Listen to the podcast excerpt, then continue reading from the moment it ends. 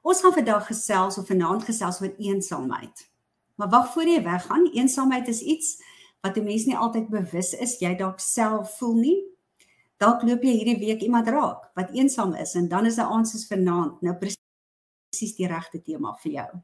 Verskillende soorte eensaamheid kyk. Waar jy jouself sien, is jy iemand wat eensaam is? Dalk is jy nie. Dalk is jy self genoegsaam. Waar is daar iets wat jy dalk moet ophou doen, moet begin doen of aanhou doen? En die heel belangrikste is is die kruks van die saak. Hoe dink God oor eensaamheid? Dis 'n baie belangrike aspek en 'n verstaan wat ons moet hê. Kom ek vertel jou gou my storie. So ek was 'n klein dogtertjie wat 'n mamma by die huis nodig gehad het. so sê die mense. Ehm um, mens noem dit nou maar op 'n manier skeidingsangs seker ek was een van die wat 'n mamma by die huis wou hê. Nou ja, finansies het daai tyd dit nie toegelaat nie en ek dink dit laat vir baie kinders vandag dit nie toe nie. Ons mammas moet maar werk en die pot saam in die kook hou. Ek onthou dat ek van kleins af alleen gevoel het en eintlik eensaam gevoel het. Baie keer gewonder, hoekom is dit dat ek so voel? Later jare eers verstaan dat ek anders gekyk het na die lewe, dat ek amper soos 'n klein groot mensie was wat dinge baie dieper en ernstiger beleef het. En dit maak baie keer dat 'n mens nie pas in die speelgroepie um of die groepie maats soos wat meeste van die kinders nou maar gemaklik pas nie. Nou ja, ek was een van daai weird dogtertjies gewees en ek sal nooit ook die dag vergeet uh toe 'n Mani, 'n vriend van my dood is, 'n uh, eintlik 'n ou klein seentjie maatjie in graad 1. Ek het nogal so ewe by die busstop gaan sit en wag vir hom dat hy um uh, moet by die skool aankom net om toe uit te vind hulle is die naweek in 'n motorongeluk gewees en Mani is oorlede. Nou dit was seker die heel eerste kennismaking met geweldige diep seer eensaamheid. Hy was my beste maatjie. Hy was die ouetjie wat my by die skool um altyd ingewag het om um wat was dit gewees? Marbles te speel, albasters te speel. En um ek het hom regtig gemis en dit was 'n groot stuk eensaamheid vir 'n graad 1 dogtertjie. Later ehm um, was ek is ek hoërskool toe nou en in die hoërskool en ek dink baie van julle sal dalk dieselfde mee kan identifiseer. In die hoërskool het ek baie keer gevoel asof ek nie deel is van die cool girls nie. Ons was in die bediening, my pa was predikant en ehm um, uiteraard het ek nie partytjies bygewoon nie. So dit was 'n ander soort eensaamheid en so half ehm um, asof mens nie regtig deel vorm van 'n groep waar jy uh, belang het, waar jy aanvaar word nie. Nou later het ek dit beleef ook um in my vriendskappe. Ek was iemand wat net gesê het ek het nie eintlik vriendinne nodig nie want ek is eintlik okay op my eie. Ek het later lekker op my neus gekyk, so ontspan. Da, uh, ek het tot bekering gekom dit kom by vriendskap. Maar ook in in bediening het ek baie keer regtig eensaam gevoel.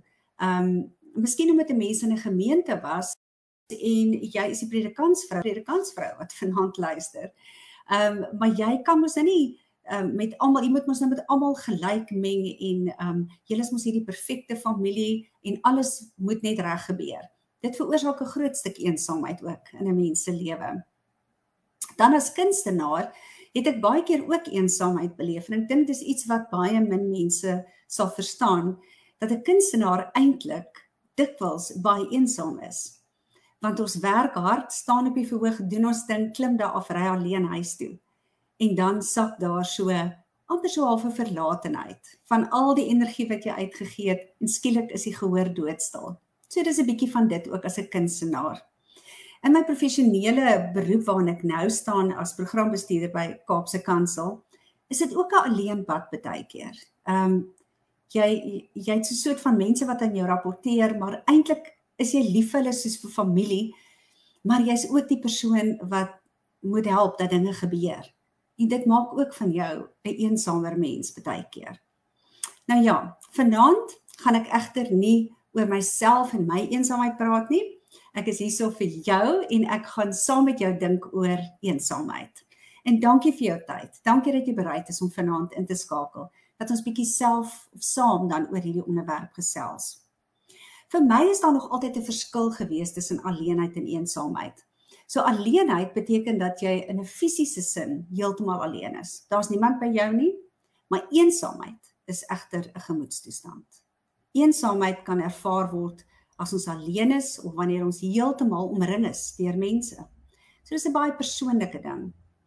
Ek luister na baie van die liedjies, en die popliedjies en die country en western liedjies, en ek baie dit luister, maar die punt is baie van die liedjies praat van frustrasie, eensaamheid, leegheid, gebroke verhoudings, ontrouheid, verlatenheid.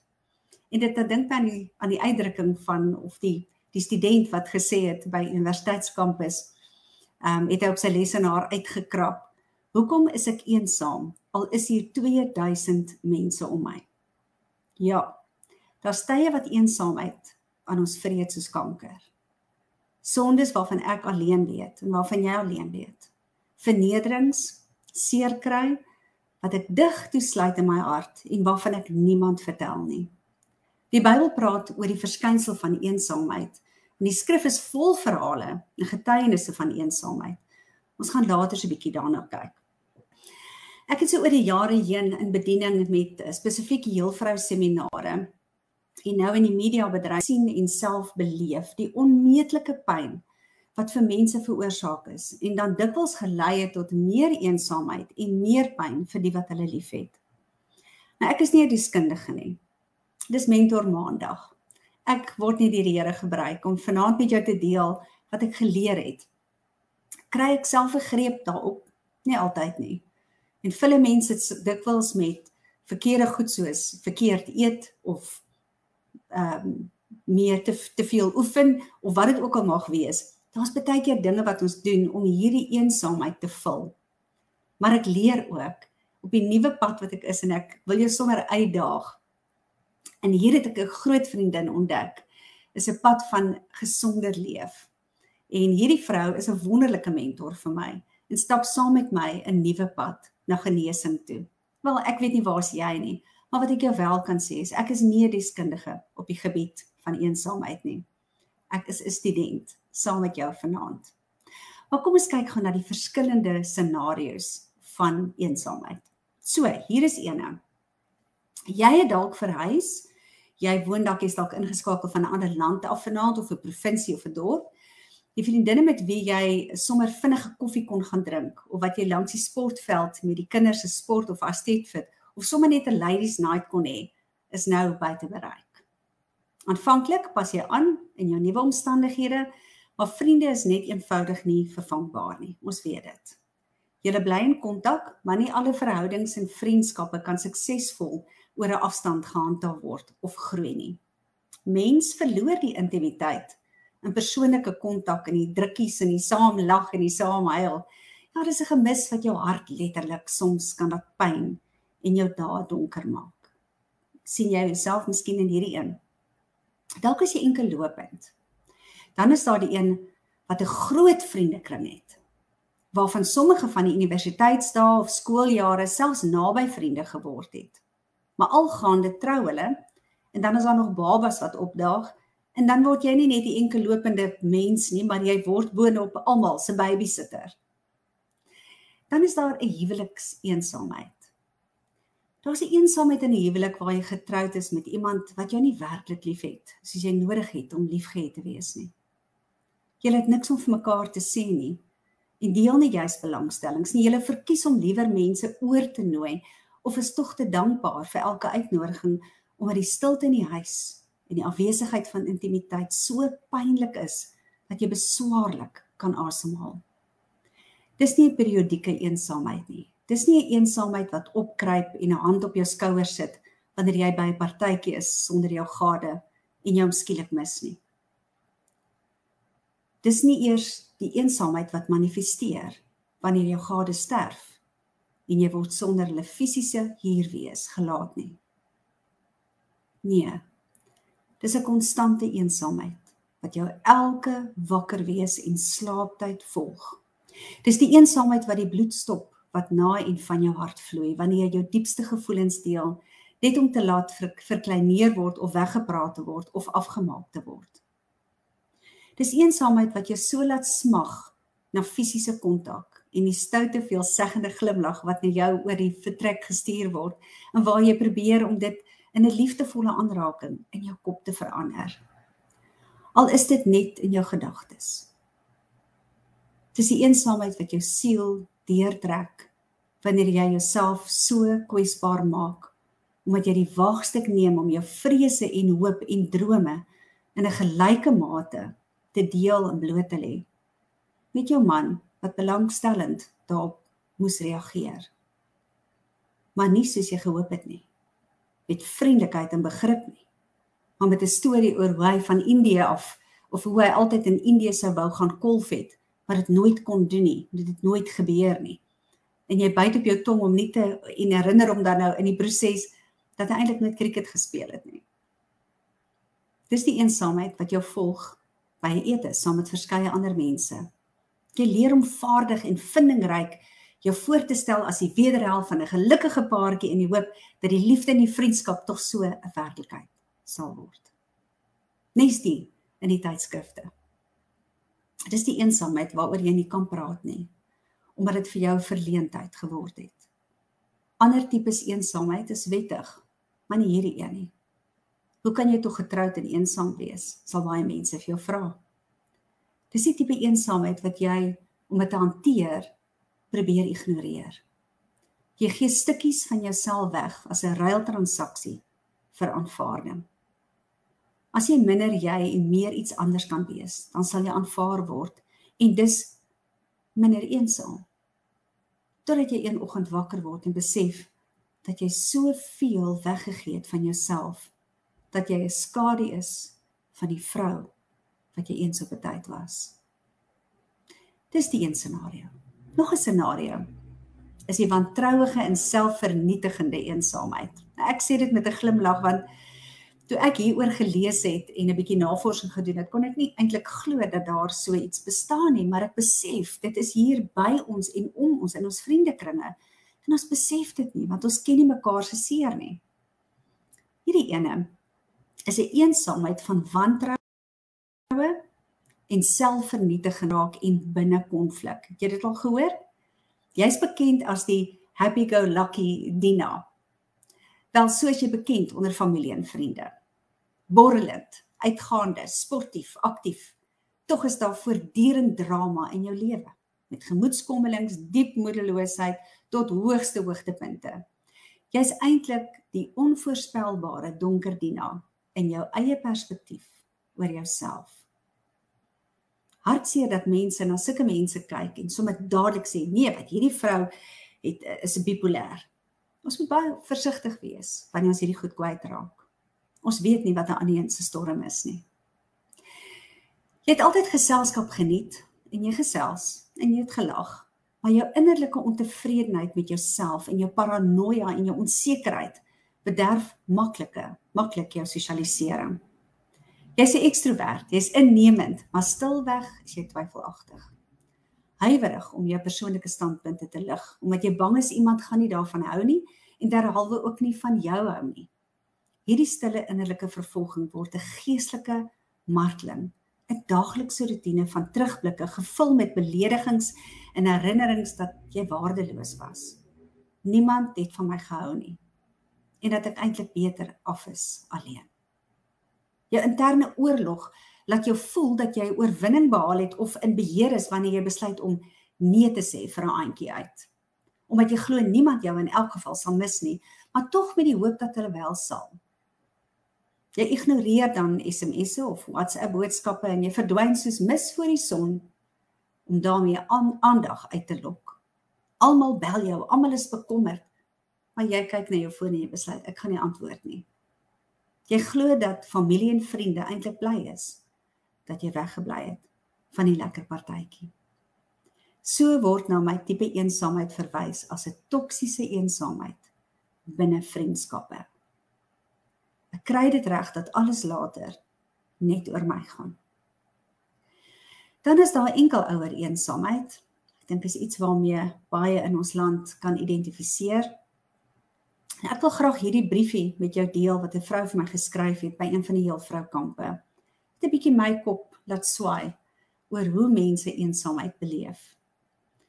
Ek is 'n meisie, eintlik veronderstel om nou regtig 'n vrou in my 40's met 'n groot gesin van 4 of 5 kinders te wees.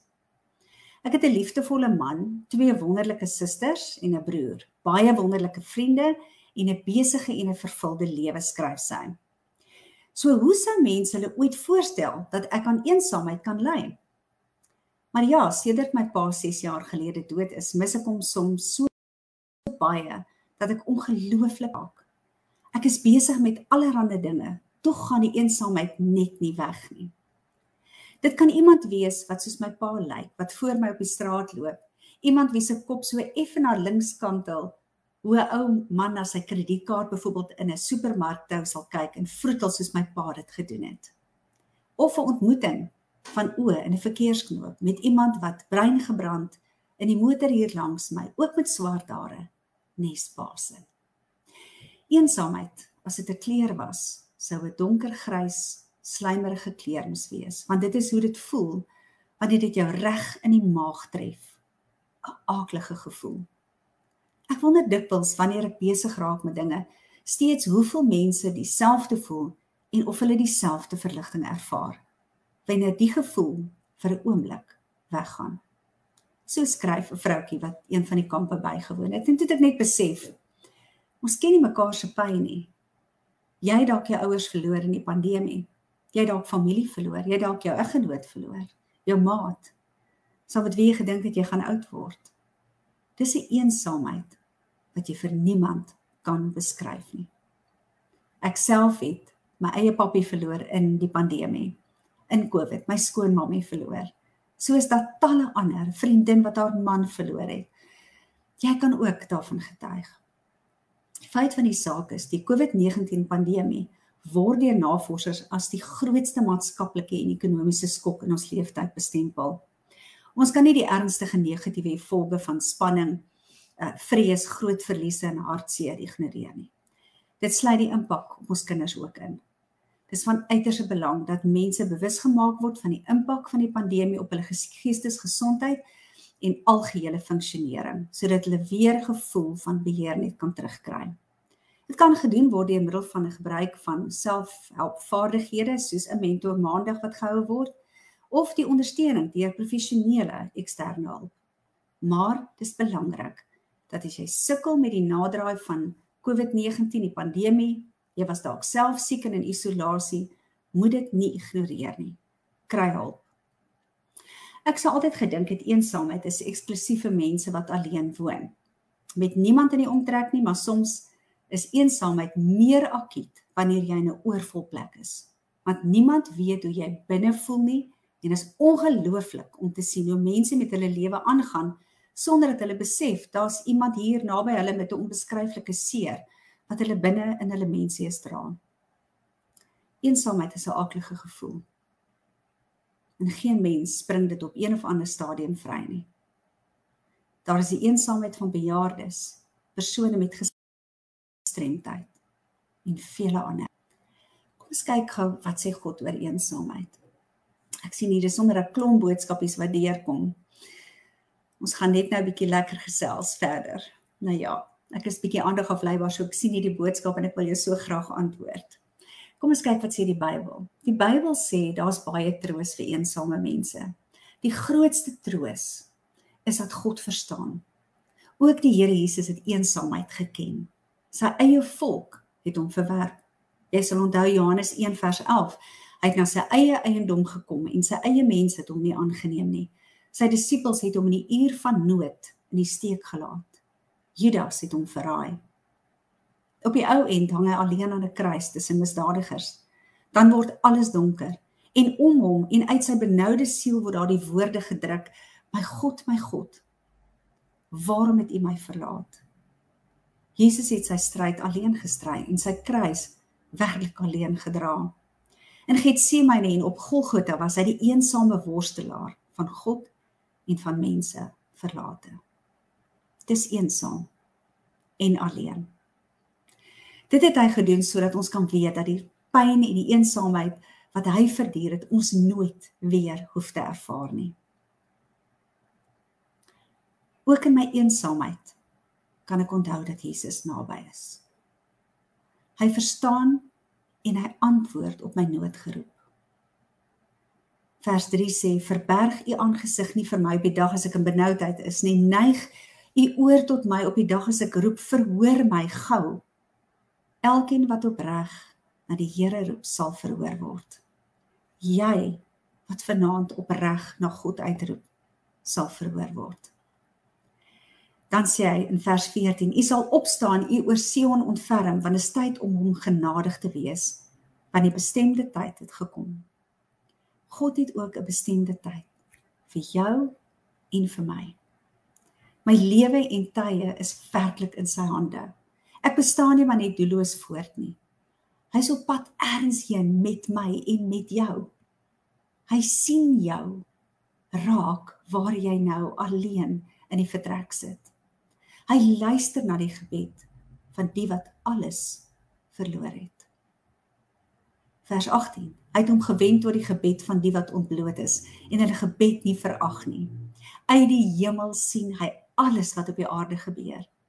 Jy is nie vergeete nie. Al voel jy dalk vanaand so. Jesaja 49 vers 15 sê: "Kan 'n vrou haar suigeling vergeet? Miskien sal hulle kan vergeet, nogtans sal ek jou nie vergeet nie, sê die Here. Kyk, ek het jou in my handpalms gegraf. Hier op aarde is ons nooit alleen nie. Ons is nie vergete of verwerp nie. God is by sy kinders. Hy is by jou. Ek is in God se oog en hart vir ewig. Vers 28 sê maar u bly dieselfde en u jare het geen einde nie. Mense kan my teleurstel, maar God bly dieselfde. Kom ons kyk gou na 'n soort van 'n oplossing vir eensaamheid. Is daar regtig 'n oplossing? Kom ons kyk of daar iets prakties is wat ek vanaand vir jou kan gee. En die eerste ding wat ek ervaar het in my eie lewe, is ek moet meer aandag gee aan my verhouding met God. Kyk, ek sê altyd die ergste wat met jou kan gebeur is dat jy gelukkig getroud is. en ek sê dit want dit is so moeilik as jou man dan vir weke moet weggaan vir sy werk en jy's alleen. En ek kan vir jou sê, ek gaan nou soos mense altyd sê, kry vir jou 'n hond. Ek het vir myself 'n hond gekry, Luka. En ek kan nie vir jou sê wat dit vir my beteken as ek in die aand by die huis kom en Luka lek my voete papnat en sy so bly om my te sien en ek het geen idee hoekom sy bly behoort te wees nie. Want ek gaan net nou vir haar sê Luka basket, gaan na jou mandjie toe. Jy weet, so Luka wil nog speel, sy wil nog buite rondhardloop, maar sy is altyd bly om my te sien. Maar ek wil vir jou sê, as jy een van daai mense is wat enigstens 'n troeteldier kan aanskaf, moet jy dit regtig oorweeg veral as jy soos ek vrek alleen by die huis kom en jou man is nie hier nie. En dan mis 'n mens mekaar regtig verskriklik. Goed, so die eerste ding wat ek gesê het is ons moet aandag gee aan ons verhouding met God. Reg. Adam en Eva se eensaamheid het gekom toe hulle verhouding met God versteur was. Onthou jy dit? Dalk het my verhouding met God so bietjie afgekoel en nou ervaar ek en jy dit, hierdie gevoel van verworpenheid en doelloosheid juis omdat ons van God begin wegbeweeg het. Ons raak besig. Dinge hou ons besig. Partykeer is ons kwaad ook vir iemand en dan is dit so moeilik om jou perspektief te behou en jou ewewig te behou en dan steeds intiem en naby God te bly. Dit is ontsettend belangrik. Ons kan nie wegkom daarvan nie. Ek kan vir jou baie motiveringspraatjies gee en vir jou sê gaan lees boek A B en C. Maar aan die einde van die dag gaan niks jou eensaamheid so wegneem soos jou verhouding met hom nie. Om eensaamheid te oorkom, moet ek ook besef dat ek die inisiatief sal moet neem. Ek het 'n wonderlike vriendin, Alta. Hulle is op die oomblik op pad Phuket toe. Alta is een van daai wat as jy nie die oproep wil vat nie, want jy wil nie nou met iemand praat nie, want jy's moeg, want jy sien nie kans nie, want jy's nie op jou beste nie en nou jy moet vrolik klink en jy gaan nou moet bly Sy's een van daai vrouens vir wie jy die foon antwoord en sê Alta, wil jy koffie? Alta sien jy kans dat ons iets saam gaan doen of wat ook al. Sy's ook die ene wat knaand bly vra, "Hoe gaan dit met jou?" Wanda, jy stil. Hoe gaan dit met jou? Ek het nog so 'n vriendin, Answa. Answa, skus, is 'n mediese dokter en sy het destyds so ek aan die musicals deelgeneem het, het Answa nogal was sy die ene wat in die aand my gebel het en gesê het: "Hoorie, die Here lê jou so op my hart, wat gaan aan?" En dan lê ek in die bed dan het ek een of ander maagpyn en dan sê Answa ek draai nou om op die snelweg ek is op pad na jou en dan sê ek van nee ek het nie jou nodig nie ek is okay ek kan dit self doen. En sy het altyd net geweier en gesê wel ek gaan soos die kat wees. Die kat kom weer. Ek gaan nie terugsit nie. Ek wil jou vriendin wees en ek wil jou wys wat dit is om 'n vriendin nodig te hê goed so ons eensaamheid om dit te oorkom neem inisiatief vat jouself aan jou kragie en kry jouself by die volgende verjaarsdag uitnodiging. Daar waar die vriendinne saam gaan koffie of saam iets gaan doen. Moenie weer die een wees wat sê ek kan nie of ek het nie lus nie of ek weet nie of ek regtig daar moet wees nie. Kom aan, girl, trek jou rokkie aan en daar gaan jy. Gaan drink 'n lekker koffie saam met die girls. Ek en my twee meisiekinders het altyd so een keer 'n maand het ons gaan koffie drink en ons het altyd gesê dit is ons girls date. En dan het ons so hard gelag, te veel koek geëet, baie nonsens gepraat, maar ons het dit geniet. Dis die tipe verhoudinge, die tipe vriendskappe wat jy in jou lewe nodig het. Jy sal die eerste stap moet doen om die proses dan van genesing aan die gang te sit. Jy moet verantwoordelikheid neem vir jou eie situasie. Dit help nie ek en jy blameer iemand anders nie. Dis hoekom ek so eensaam is en as my man nie um, weggeloop het met 'n ander vrou nie dan was ek nie nou so eensaam nie. As wat ook al die geval mag wees vriendin jy sal moet eienaarskap vat. Jy sal moet ophou blameer. En al is wie ook skuldig sal jy moet ophou blameer. Dis jou lewe wat by jou verbystap en jy gee nie geleentheid aan jouself om weer vriendskappe en liefde en intimiteit te kan aanvaar nie of ervaar nie. Ek moet die seer letterlik kan oopsteek met 'n naald dat dit kan uitkom wat my weghou van vriendskappe af. Wat my weghou daarvan om mense naby my toe te laat en so te vereensaam. Dan moet ek ook aan die ander kant vergewe wat ek voel die oorsaak is van my eensaamheid soos ons nou nou gesê het. Dis hier waar jou genesing begin. Moenie passief sit en wag nie. Moet iets doen. Moenie sit en wag dat ander iets moet doen oor jou eensaamheid nie. Jy moet dit self begin doen. Nadat jy jou hart uitgepraat het met God, kan jy ook jou hart uitpraat met 'n ander persoon. Nie andersom nie. Oswald Sonders het gesê, as die eensame mens sy soeke na iemand wat vir hom omgee, kan laat staan en eerder kan soek vir iemand vir wie hy kan omgee, sal hy verbaas wees om te ontdek dat sy eensaamheid draaglik word. Ja, dat dit selfs heeltemal verdwyn. Ons grootste stryd is ons houding wat ons het teenoor ons eensaamheid. Ek wil sommer so 'n paar notas net vir jou gee. Leer om jouself te deel met ander. 'n Groot deel van mense se eensaamheid lê daarin dat hulle nie hulle self met ander kan deel nie. Hulle verhouding met ander mense is altyd oppervlakkig. Hulle praat altyd oor tetjies en daadjies, koetjies en kalfies, maar nooit oor dieper dinge en die hartseer in hulle harte nie. Omdat hulle nie kan uh, deel uh, oor as hulle eensaam uh, eensaam is nie. Hulle kan nie met ander deel in hulle eensaamheid nie. Hulle leef in 'n donkerte, eensame wêreld waar hulle niemand anders meer toelaat nie. Ek het nou die dag 'n interessante ervaring gehad. Ek woon saam met iemand te ding by. Sy waarsku my nogal voor die tyd. Sy sê: "O, jy het in jou lewe nog nie mense gesien wat so plastiek kan wees nie. Dit is, jy weet, hulle praat net oor geld en oor dit en oor daai. En ek luister so wat sy sê en ek dink, Here, miskien is hier iets wat ons moet leer. En ons gaan woon hierdie ding by. En dit is inderdaad so. Vroue wat ek so in die hoek van die kamer staan en hou hulle net so dop en ek sien hoe elkeen besig is om uh, hier 'n foto te wil neem en daar 'n foto te wil neem en en dit gaan alles oor wat het jy aan en waar het jy jou wenkbroue laat doen en en so gaan die gesprekke. En vir 'n oomblik is dit asof die Here vir my sê voordat ons ander oordeel vir waarin hulle en wat hulle gelukkig maak, moet ons gaan dieper kyk na die hartseer en die eensaamheid in hulle oë. En wanneer ons dit raak sien, het ons respek, loop ons sag, praat ons mooi en bid ons vir mekaar. Jy moet self kies om werklik jouself te wees, om jou gevoelens, jou probleme en jou vreugdes met ander te begin deel. Come on. Kom ons raak reël. Kom ons begin hierdie goed met mekaar deel. Jou swakheid is waar jou sterkte lê. Jy ken mos die formule. So dis wat ons moet begin doen. Ons moet uitkom in die lig.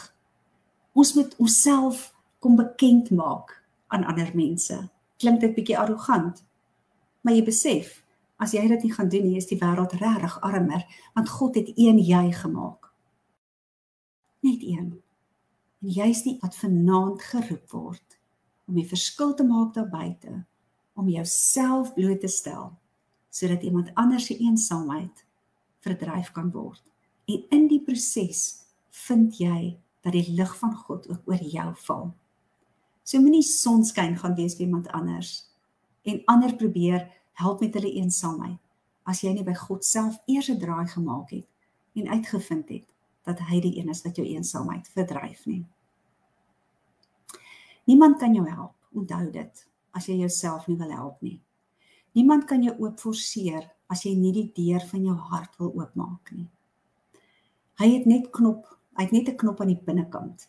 So net jy kan oopmaak. Ons ken almal daai uitdrukking.